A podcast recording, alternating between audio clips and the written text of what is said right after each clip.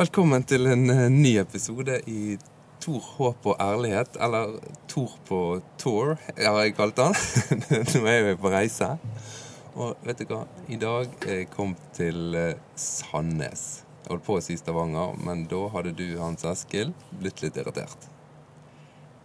Ja, altså eh, når jeg vokste opp, så var det jo faktisk Stavanger som var den rette byen. Vi gjorde narr av Sandnes. Ja. Så eh, jeg tror ikke jeg hadde blitt så irritert. Jeg er ikke så veldig Sandnes-patriot, men eh, vi trives med å bo her. ja. Men eh, når du er fra Randaberg, da er det Stavanger er byen, faktisk. Er det det, ja? Ja. Ja. Kanskje vi må klippe dette vekk etterpå hvis du angrer. Hvis noen naboer blir sinna på deg. da. Men eh, vi får la det være sånn eh, foreløpig. Hans Eskil Vigdel. Vigdel. Vigdel, sånn uttaler vi det. Ja. Tusen takk for at jeg fikk komme på besøk til deg. Det var Du svarte bare sånn Ja, det er jeg med på. Er du alltid så eh, åpen? Nei, ikke alltid så åpent, åpen, men tenkte dette er viktig, og eh, det, jeg må jo ta vare på mulighetene når man blir spurt, spurt om viktige ting. Og så har jeg begynt på pappaperm, så jeg tenkte at da har jeg jo litt ekstra tid. ja. Og så Men så sitter jeg nå med så, så ja. Så, så, men eh, det er jo mye som skjer, men dette er viktig å prioritere. Angret du når jeg kom inn døren? Ja, som du kom, så angrer jeg med det. Ja, du gjorde det. Så. Men jeg var helt imponert over da jeg kommer inn døren. Vi har aldri møttes. Ja. Jeg har kun sendt deg melding på Messenger, Ja. og så har jeg likt veldig mye av det du har skrevet på Facebook. Det er liksom sånn Ja, vi kjenner hverandre. Og likevel så sier du 'kom inn', og etter sånn 25 sekunder så forteller du om hva du sitter og jobber med og skriver med, Ja, og finner bok som jeg skal lese. ja, ja. ja. det, det, det, Ja, er, er, du sånn, er du sånn type? ja, jeg er nok litt sånn type. Jeg er um, Når det er ting jeg er engasjert i, og sånn, så, så kan jeg uh, vise engasjement og framstå veldig sånn utadvendt og omgjeng, omgjengelig. Den ellers så rolig og varme sommerdagen ble her avbrutt av en ganske kraftig vindråse. Eh, Men det jeg spør Hans Eskil om, er om han kan fortelle litt om sin eh, barndom og ungdomstid og hans eh, trosreise. For hele prosjektet handler jo om å finne ut hvordan troen ser ut nå i 2020, og gjerne litt om hvordan han så ut før. Nettopp fylt 40. Jeg kommer fra Randaberg. Og eh, som trosmessig så, så er det bedehuset og kirka som er min eh, ja, bakgrunn, da. Her i området? På, ja, Randaberg det er litt lenger ut mot halvøya. Ja. Eh, opp nord mot Bergen. Ja. ja. Eh, det er visstnok et av de stedene i landet som har sendt ut mest misjonærer. Så mye kristen virksomhet. Så et skikkelig misjonsområde. Ja. Så det er der det starta. På bedehuset. Ja. Ja. Og hvordan opplevde du bedehuset? Ja, em, kan jo si først at hjemme så var det egentlig ganske sånn lavmælt tro. Jeg er fra bondegård, og vi hadde jo eh, Vi ba, eh, ba for maten og, og ba om kvelden og sånne ting. Aftenbønn. Men det var ikke veldig mye snakk, snakk om tro sånn ellers. Det var ganske sånn lavmælt tro. Eh, det var mest eh, møter på bedehuset. Eh, Kirka ja, var en sjelden gang. Og vi var alltid var litt sånn skeptisk til prester og kirker og sånn. Hvorfor det? Eh, nei, det var jo fordi eh, de gjerne hadde en eh, At de kanskje var liberale, hadde en litt annen eh, måte å snakke om tro på, da. Ja, Enn en det som var vanlig på, på bedehuset. men visste du i din oppvekst hvorfor du var skeptisk? Om jeg visste det Nja Godt spørsmål om jeg visste hvorfor vi var skeptiske til prestene. Nei, det var nok litt sånn ullent, men det, det var tydelig at det var, en, liksom, det var ikke helt rett. For en måte jeg um, skjønte det på, det var når jeg var konfirmant. Så det var ikke nok å gå i kirka, men vi gikk på Fjelltun eh, bibelskole. Fikk ekstra konfirmantundervisning Altså, sånn for å styrke konfirmanten? Ja, for det, ja, for det, det var Det var liksom mer solid, da. Og inntrykket var for oppveksten var vel det at det var, var mer solid på, på bedehuset. Men det var ikke noe jeg tenkte på eller visste på i oppveksten akkurat hva det, hva var. Men det tydeliggjør tydelig at det var en forskjell. Ja. Det var litt, litt bedre på, på, på bedehuset. Du var litt en bedre kristen Ja, egentlig. Ja, ja. At det var det mer, mer det ordentlige. Også, Um, Men når du ble ungdom, var du i bedehuset gjennom hele ungdomstiden din? Nei. Um, jeg kan jo si litt om meg eh, sånn fra oppveksten og sånn. Det var at jeg var nok en eh, utrygg gutt. Um, og eh, da, det var ting i, både hjemme og ting som var vanskelig, da. Mm. Som ehm,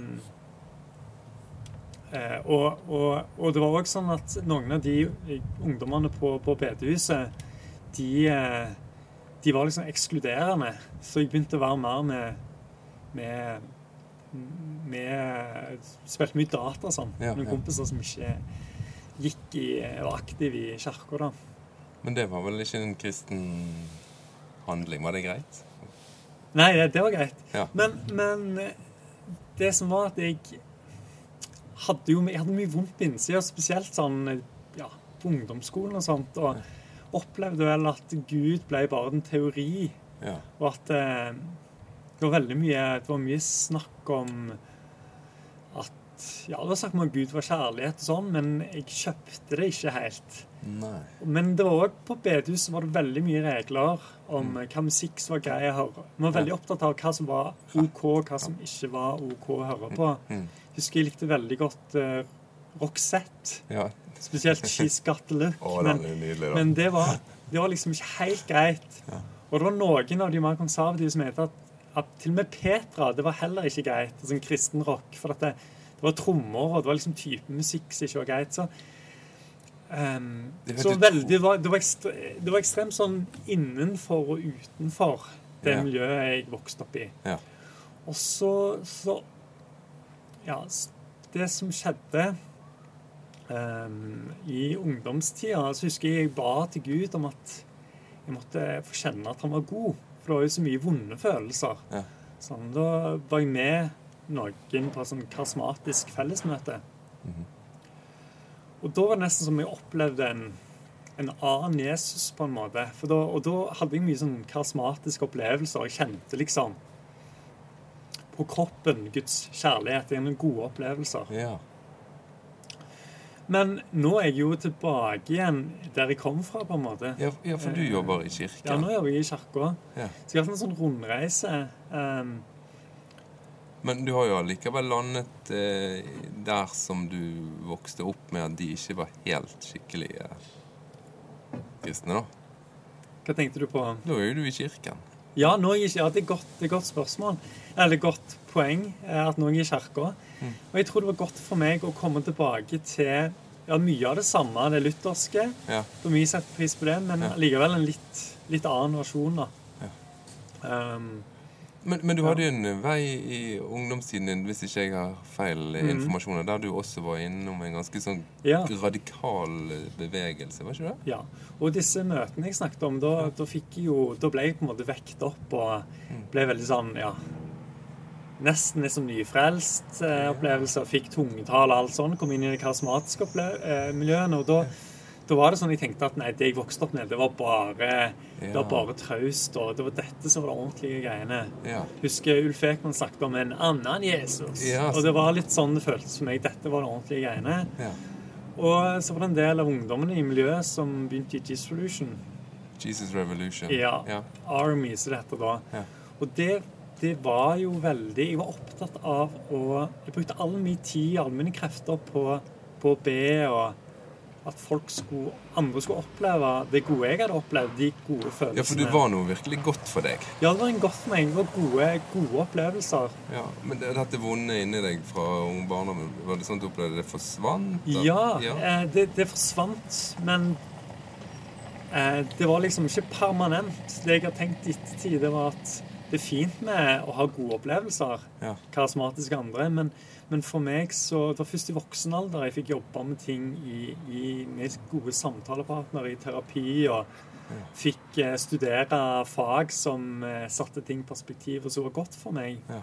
Eh, Men i hvert fall så var disse karismatiske opplevelsene noe som satte meg i gang, og som motiverte, motiverte meg veldig for å bli med i Jesus Solution. Og husker da jeg kom til Oslo, eh, til Hausmanns gate, det Hus Jesushuset, så tenkte jeg at dette er jo det nye Jerusalem. Ja, for det var vel kanskje noe av det Ja. heftigste Ja. i vår ungdomstid, var ikke det? Ja, det var noe heftigste en kunne være med på. Og jeg tenkte jo at jeg ikke var god nok til å bli med der. Ja. Men så var jeg på en sånn sommerleir eh, i Sognsdal. Mhm. Husker Rudi Myntevik hadde Ja, lovsangen, ja, ja, og jeg sto og grein og Ja. Tenkte at OK, hvis jeg ikke kommer inn i G-Solution, da skal jeg troppe opp uansett og si at jeg skal være med, fordi Gud har sagt at jeg skal være med. Ja. Opplevde veldig som sånn kall, å være noe jeg skulle være med på. Ja. Og jeg drømte med en kompis som òg ble med der, om å starte menigheter i Europa, og det var ikke måte på. Nei. Det var veldig sånn eh, Mye ungdommelig iver og Og eh, trykk, eh, store ord og mye trøkk, altså. Ja, ja. Men, men det er jo det er jo noe fint med det òg, og det var jo det var gode, fine opplevelser. Ja. Det var mye, det var mye, mye bra med det. Mm. Um, ja, altså Det var sånn jeg kom med i denne Kall det gjerne radikale ungdomsbevegelsen. Mm. Men jeg husker jo i det miljøet en var i Stavanger ungdomsmiljø der òg. Der var det jo en ungdomsleder som hadde gått i Sarensdal og sånn. og Ja. Det var jo veldig Vi var jo veldig fokusert. Jeg sier ikke alle var det, men gikk mye ut på i byen og evangeliserte. Evangeli- Altså bare tok kontakt med random folk? og Ja, mye ja, det. Og gikk rundt med Bibel og tok med Til og med hadde vi barn på et sånt stort kors en gang. Er det sant? ja, har gjort mye sånn. Ja. Og i G-Solution sto jeg på en sånn en kasse i Karl Johan og skulle preke evangeliet. Alt skulle være veldig sånn Men er det deg? Altså Nei, det er nettopp det, da. Ja. Jeg har jo skrevet ei bok som heter 'Ingen introvert i himmelen'. Ja. Og dette er ikke ment som reklame, sånn da, men Jo. i den boka så, så skriver jeg mye om Så jeg tilbakeser på mange av de erfaringene at jeg, jeg ble utsatt Eller møtte mange idealer som jeg skjønte for hvert ikke var min greie. ja. Og jeg opplevde at det var ikke bærekraftig, på en måte, dette kallet og ting, måten ting skulle gjøres på. Um, jeg husker på dette fellesmøtet der jeg fikk en sånn sterk opplevelse, det pinsevennen kaller for åndsdåp. Ja. som satte det hele i gang. Så var det jo sånne enorme eh, opplevelser. Og da kjente, tenkte, sa jeg til Gud at Gud, er det sånn du er, så fullt av kjærlighet? Og, Mm. og jeg vil bruke livet mitt til å gi din kjærlighet videre. Ja. Og det er jo det jeg har gjort, håper jeg. Ja, videre. ja, ja. Men det, det ser annerledes ut nå enn det gjorde i den tida i G-Solution. Men- det, for meg, da, som nå treffer deg for første gang, så, så kjenner jeg jeg blir veldig fascinert og syns at det er spennende. For det, du har jo da en på en eller annen måte en sving tilbake igjen, der du går Mm. ut av dette og står på kasse og bærer kors og Ja. roper om tro og Jesus og går bort til vilt fremmede og bare forteller de at de må ta imot Jesus' eh, evangelisering, som du Mm. sier. Og så er du diakon og doktor, skriver doktorgradsavhandling. Stemmer. Hva, hva, hva sving var det igjen, da? Ja, nei, altså Jeg tror den røde tråden her er Guds kjærlighet, da. Ja. Eh, det vil jeg jo tenke. Ja, for, for du, du har aldri i noen av disse svingene på en måte tenkt Den troen, den er, det er waste. Nei, det har jeg liksom aldri klart, da. Nei. Og jeg noe jeg har tenkt mye på ah, Det er så mye vi kan snakke om, men jeg har tenkt mye på alle disse unge voksne som får barn og slutter å gå i menighet og sånne Ja, ting. ja. Eh, så tenkte jeg sånn Ja, men hallo, det må jo være mulig å ha et menighetsliv som holder for hele livet, og, Ja. Og sånne ting. Og, og det er noe med meg som En ser jo omverdenen ut fra sitt eget perspektiv. At jeg klarer liksom ikke forlate denne kjærligheten, eller ja, denne troen, da. Jeg sitter veldig sterkt i. Um, Det, det det, jeg syns det er kult. Altså, jeg Ja. må si at jeg hadde det, det, Jeg har ikke sagt det til deg, for vi har jo ikke snakket Nei, sammen ikke- før. Men, Nei. men jeg, jeg hadde mange år der jeg bare tenkte nei. Når folk spurte er du kristen, nei. Altså, eh, ikke fordi jeg ikke hadde en tro inni meg, Nei. men jeg hadde bare ikke lyst til å bli assosiert med med menighetsliv og de, de, Ja. de små rammene som jeg opplevde det var. da. Ja, og jeg, kan, jeg møter, det kanskje litt halvveis på en der sånn sett, fordi jeg husker jo på Blindern og sånn, så, Ja. var, så var det en periode så ønsker jeg ikke å si med en gang at jeg var kristen, Nei. for jeg hadde ikke lyst til å bare bli kjent for det, og, og sånn, at jeg drøyde det litt og sånn, men, men jeg aldri det har vært veldig er litt på en måte litt sånn stolt òg, eller Ja. troen. Jeg har liksom ikke hatt behov for det. Nei. Selv om eh, den har jo blitt liksom forandra seg. Det kan vi snakke om, hvordan troen har forandra seg når vi er inne på et spor. Ja. Um, men jeg tror noe av svaret er kanskje at jeg har en veldig sånn traust gjerne, Jeg kaller det gjerne pietistisk, luthersk oppdragelse fra bedehus og sånn, der det prenta inn i oss at det skulle ikke være basert på følelser og sånn, troen, og, og komme fra bondegård og Ja. Litt sånn traust og solid. Det er noe, Um, ja. og det kan kanskje ha no, være en slags forklaring på noe av at det karismatiske jeg møtte da jeg var 17, de enormt sterke opplevelsene, de, de ble blanda med noe av den traustheten. ja, noe av det solide. Noe av det solide. ja. Ja, for hvordan ser troen ut nå, da? For, du, altså, du har da bedehus oppvekst som Ja. barn. Um, litt, litt kirke, litt sånn Syns det var litt eh, stivt og liberalt. Eh, Ja. En radikal ungdomstid med evangelisering og bønn og åndsdåp på tungetale. Og så en litt sånn mer ba balansert Eller, det, vet- det var feil ord, Ja. for da har jeg egentlig bestemt hva dette er for noe. Ja. Eh, Det var ikke meningen. Eh, Nei, men det går bra. Det er fort gjort å Ja. ha lukka spørsmål og sånt. Um, ja. Tror, altså den troen jeg har i dag uh, Det er jo en, en blanding, eller det er jo et produkt av alle disse etappene Ja. og sånn. Og jeg klarer jo ikke å, å forlate troen. Jeg har ikke lyst til å forlate troen. Som en litt sånn uerfaren eh, opptaksleder, så stoppet jeg eh, opptaket her. For Hans Askild hadde noen sånne huslige plikter han eh, måtte ordne i.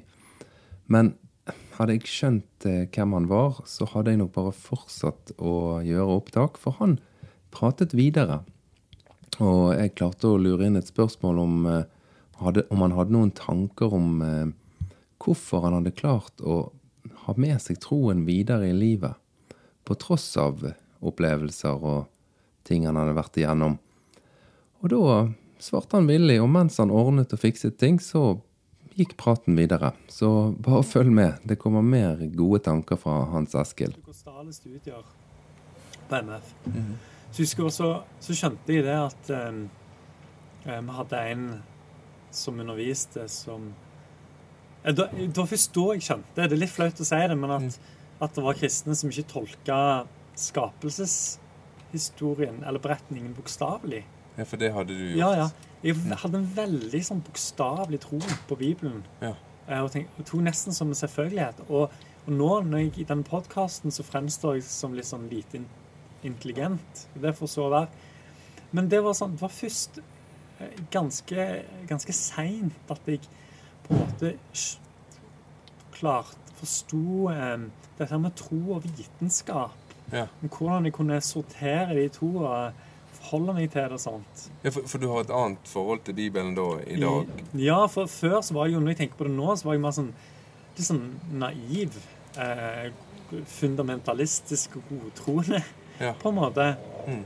Eh, men nå både Det er jo mye gjennom eh, studiene eh, hovedsakelig at jeg har sett at det er ikke en Du må ikke velge mellom eh, tro og vitenskap.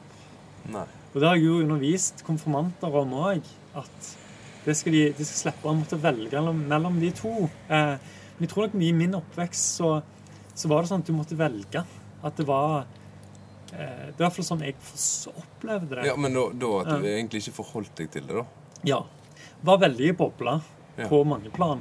Mm. Og, eh, og det, det, det kjennetegner nok meg. Ja. Jeg er nok en person som eh, som kan bli litt sånn enspora. Sånn sett så passer jeg kanskje som doktorgradsstipendiat. eh, og blir oppslukt av enkelte ting. Og det at jeg skrev den boka som jeg gjorde, 'Ingen intervall til himmelen', husker det var ei venninne som sa at eh, Hva du sa du? er jo helt manisk. Ja, ja. Altså at jeg blir så opp Ja, på noen ting. Og det ble jeg nok òg med troen òg. Og det der med at jeg skulle redde hele verden sånn. Og, Men, men troen din i dag, ja. er den sånn for deg at du, at du kjenner at du har lyst til at andre også skal få den samme troen? Eh, ja, det, det er et godt spørsmål. Jeg har ikke lyst til at de skal få en sånn eh, naiv tro som jeg vokste opp med. Og grunnen til det, det jeg har sett problemet, var opplevde at mye av den troen jeg vokste opp med, den eh, var ikke Det var ikke godt for meg. Altså det menneskelige livet, hvordan jeg hadde det. det var, den troen romma ikke det å være menneske Nei. i godt nok verken bedehustroen og den G-solution og trosbevegelsesteologien. Ja, Men, men føler du troen tilfører livet ditt noe bra? Ja, jeg, ja, jeg, jeg opplever det. At det, at det er noe som ehm, Hvordan skal jeg forklare det? det? Det gir på en måte en sånn dybde og høyde, eller himmel over livet, Ja. hele tida. Før var det mer sånn krampaktig at jeg skulle være en ren kanal for Herre. Det kjenner ja, du sikkert ja, igjen ja, ja, fra ja. visse kristne kretser. Sånn at Mm. det kunne bli brukt mest mulig og sånn krampaktig. Men Mm. nå er det mye mer Det er en del av tilværelsen, Ja. altså Gud og troen. Eh, som, det er bare sånn det er. Ja. Det er det jeg lever i. Ja. Um, men jeg har nok fått et problematisk forhold til misjon. Jeg tenker Ja. at misjon, det, Jeg orker nesten ikke tenke på det. Jeg tenker misjon for andre driver på med. Jeg har gjort mitt. Eh, jeg har gjort sånn som mormonerne. Jeg har hatt min tjeneste. ja, du har gjennomført Eh. Ja, og jeg har brunnet meg litt på det òg, gjennom ja, G-Solution for eksempel, og sånt, Ja. og teamturer og sånt. Men, eh, men jeg tenker jo det er godt Altså, Jesus og troen er, er gode ting, men en må, en må kunne Jeg opplever den troen jeg har nå, er mer moden tro. Jeg har gått mer Mm. fra en barnetro til en moden, moden tro. Mm. Um, og, og der um, Det gjelder måten en gjerne forholder seg til, til vitenskap på, uh, måten en forholder seg til Bibelen på. Mm. Får ikke mulighet til å gå i detalj på alle ting nå på her, men, men det som er viktig for meg Jeg er nok mer interessert i kanskje psykologi og sosialfag og den menneske empirien, altså hvordan mennesker, den menneskelige erfaring i møte med troen. Ja. Eh, Før var det nok mye mer sånn å, det var viktig å ha rett teologi og, og nerder på teologi og, Mm, og sånne ting. Men jeg opplevde at den troen var veldig isolert fra omverdenen. Ja. Men, men nå, nå har jo du en Mm. eh, Du har to barn. Da var han To måneder og to år, var det sånn? ti måneder Unnskyld. og to og et halvt, vel. Ti måneder og to og et halvt Eh, år. Ja. Hva kristen tro er det du har lyst til å gi til de? ja, jeg har lyst til å gi en tro som tåler livet, da. Mm. At den- det er rom for å stille spørsmål. Mm. eh, rom for tvil. Eh, og at den em, At det ikke er en tro som er basert på frykt, Mm. men kjærlighet. Og en rom som Nei, tro, en tro som som rommer og, og, og har det vanskelig. Livets realiteter. For mye av den troen jeg har vært borti, eh, var en sånn fiksegud. Ja, for som blir så fantastisk. Ja, for en gud som på en måte er, har mulighet til å ordne opp for deg, men ikke gjør det. Men kanskje hvis du Ja. gjør riktige øvelser og står på, Mm. så reiser han seg opp fra en trone, og så ja. fikser han et eller annet. Vet du hva, Jeg er så dritlei av den der guden og det forholdet til Gud at du liksom, du skal gjøre masse ting for å være mest mulig effektiv, være en rein kanal og leve Mm. sånn og sånn. Mm. Og, og brusautomatguden Ja, og, og alt dette her greiene. Eh, at jeg holder på å spy, altså. Mm. Og så Den troen vil jeg ikke gi til mine barn. Eh, jeg sa senest i går at jeg blir mer og mer eh, høykirkelig til eldre jeg blir. uh, og jeg elsker Altså, det, det kjedelige å møte kristne møter, det bedre er det. Yeah. Um, og da er det ikke sånn uh, bedehusstyle. Det er sikkert fint, det òg, men for meg er det nå mer sånn høykirkelig. Yeah. Å gå i, på gudstjeneste og bare være en del av rommet og synge salmene. og trenger ikke være noen sånn strålende preken, men bare være der Ja. og, og liksom slappe av i det. Og kjenne at troen min har liksom flytta seg fra min inderlige tro Mm. til, å, til at jeg hviler mer i eh, tradisjonen, Mm. i eh, strukturene, på en måte. Men, men ligger det i deg Ja. sånn, et ønske om at dine to barn skal få et, en personlig tro som er på en måte du- Det begrepet har du Ja. helt sikkert brukt sjøl. Et personlig forhold til Gud. Ja, ja det, det, det tror jeg vil si, altså. Mm. Det, jeg har jo vært i en det er noe jeg kan legge i begreper og sånn, men, men jeg har jo Jeg er jo en sånn inderlig type. Litt sånn Mm. følelses... eh, for de som er borti, borti Myers- Myers-Briggs, er jeg en INFJ. Mye, mye følelser. Introvert med mye følelser. Ja. Eh, Så, jeg, så jeg er opptatt av at troen skal bety noe. At, det, at, den skal, at troen skal være en trøst, og, og at de skal kjenne at uh, Jesus er med i, i, i motgang og medgang. Men òg at det skal være en Jesus som, som er larger than life. Ja. Men ikke på en måte som er den kontrollerende, den, den klamme, totalitære guden. Men mer en som, som er med i det livet som er, da. Eh, Et annet, et, et spor som jeg bare er nødt til å snakke litt med deg om. Og det er Nå har jo du da vært i en organisasjon som du opplevde var mye kjekt, mye bra, men også et stress og et kjør som ikke var ekte. Um, og så det, har, det må jo jeg si at jeg òg har litt sånn tilsvarende. Så har jeg lurt mange ganger på Vi Både meg og deg vi, Det er jo ingen av oss som på en måte har presset på for at det skulle bli tatt et stort oppgjør med disse organisasjonene og den ledelsen som vi har hatt. Hva tror du er grunnen til det, at vi er såpass forsiktige? ja, eh, noen vil jo Nå kjenner jeg ikke til hva du har gjort, ikke har gjort, fordi vi kjenner jo Nei, nesten ikke nei. hverandre. Men, men godt Ja, hva, hva må til Altså, jeg har jo faktisk skrevet Jeg føler jeg at det er litt At jeg har gått ut av mitt godskinn, eller min komfortsone, eller hva du vil, og Mm. at jeg virkelig har sagt ifra. For det var jo denne Frelst-serien til Mm.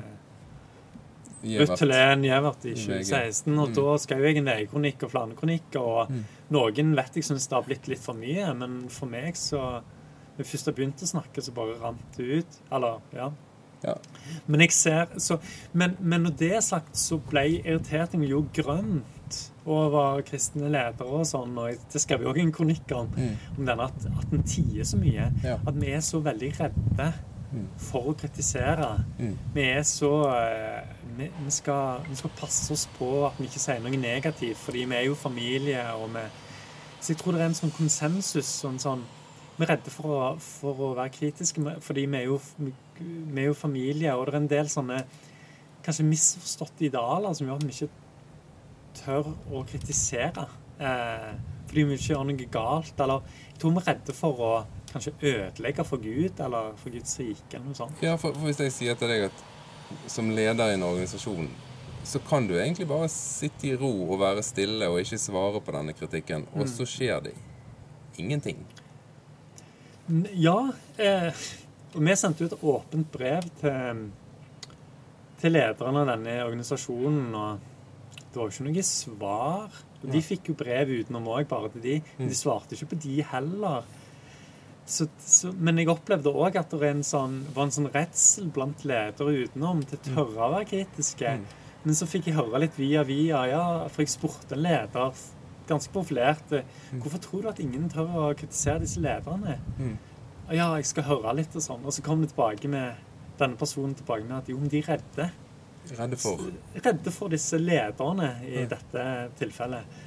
Eh, og da er det jo tydeligvis noen ledere som, som jeg tenker er Hvis vi går mot de eller kritiserer de, så kritiserer vi Gud. Ja. Eh, så, og det, det er nesten absurd. Ja, absurd ja, så det ligger en, Ja. liksom en frykt for Gud bakerst i hodet, da, egentlig? ja, jeg tror det. At eh, vi er redd for å eh, Sånn som så, sånn som vi snakker om i, i den type menigheter. Ikke røre Guds salvede. Og Mm, redde for å ødelegge Guds opplegg. Ja. Men jeg tror det, det hjalp veldig for meg å, å gå og ta diokonistudiene og sånn, og få litt andre perspektiver. Mm. Eh, og jeg har jo gått mye i samtaler terapi og sånt òg, så den kombinasjonen gjorde at jeg turte da, eller å skrive kronikker og si fra og sånt òg. Mm. Men så har det jo vært viktig for meg hele veien å ikke bli en sånn usaklig. At eh, alt jeg gjorde, eh, skulle være saklig. og Mm. Kronikker ble jo redigert og lest om igjen og om igjen. Og jo og veldig nøye, Mm. og det er jeg glad for nå. Eh, for jeg opplever at jeg har kommet gjennom det med, med æren i behold. Mm. Også, men så er det noen som mener at jeg har gjort for lite, jeg burde sagt fra mer og sånne ting. Men, men da velger jeg heller å Jeg tror ikke en kommer så mye lenger i, i eh, debattform, men, men, jeg håper jo at det jeg har bidratt til, kan ha og bidratt videre til at folk snakker mer. da. Mm. At en skaper en åpnere kultur, men at det tar litt tid. Ja. For dette å bruke livet sitt på å skulle kjempe mot ja. et eller annet, det er jo ikke veldig du blir ikke veldig glad av det? Nei, ganske kjipt. Du, jeg, var så, jeg ble så sliten av denne debatten. altså. På, ja, det var helt grusomt slitsomt. Mm. Og Jeg hadde jo begynt på denne boka 'Ingen introvert i himmelen' mm. da den debatten begynte. Mm. Og derfor jeg hadde, kunne bare spy ut kronikker, for det var jo en del av manus. Ja, Boka ble jo annerledes enn den hadde blitt, for det var mye ble jo tatt ut i debatt der. Ja. Uh, men, men, det var jo det var jo før denne Frelst-serien, før jeg visste om denne Frelst-serien til Gjevert òg. Mm. Um, så hvis ikke den hadde kommet, så hadde det kommet mer i boka om disse ja. tingene. Men jeg tenkte at ok, her har året gått. Det er ingen som har sagt ifra om denne ukulturen. Ja. Men det var jo mye for det Det begynte på MF når jeg tok sånn pinse-pentekostale studier med, mm.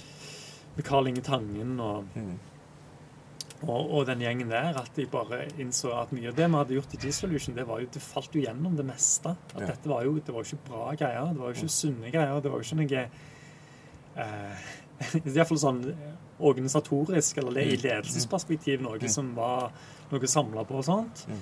Men så ble jeg overraska over at ingen tok et oppgjør med dette som året gikk. Og, og når Ruth gjorde det, så tenkte jeg at nei, men nå, nå, nå gjør jeg det. Fordi jeg tenker det, er den rette tingen å gjøre. Mm.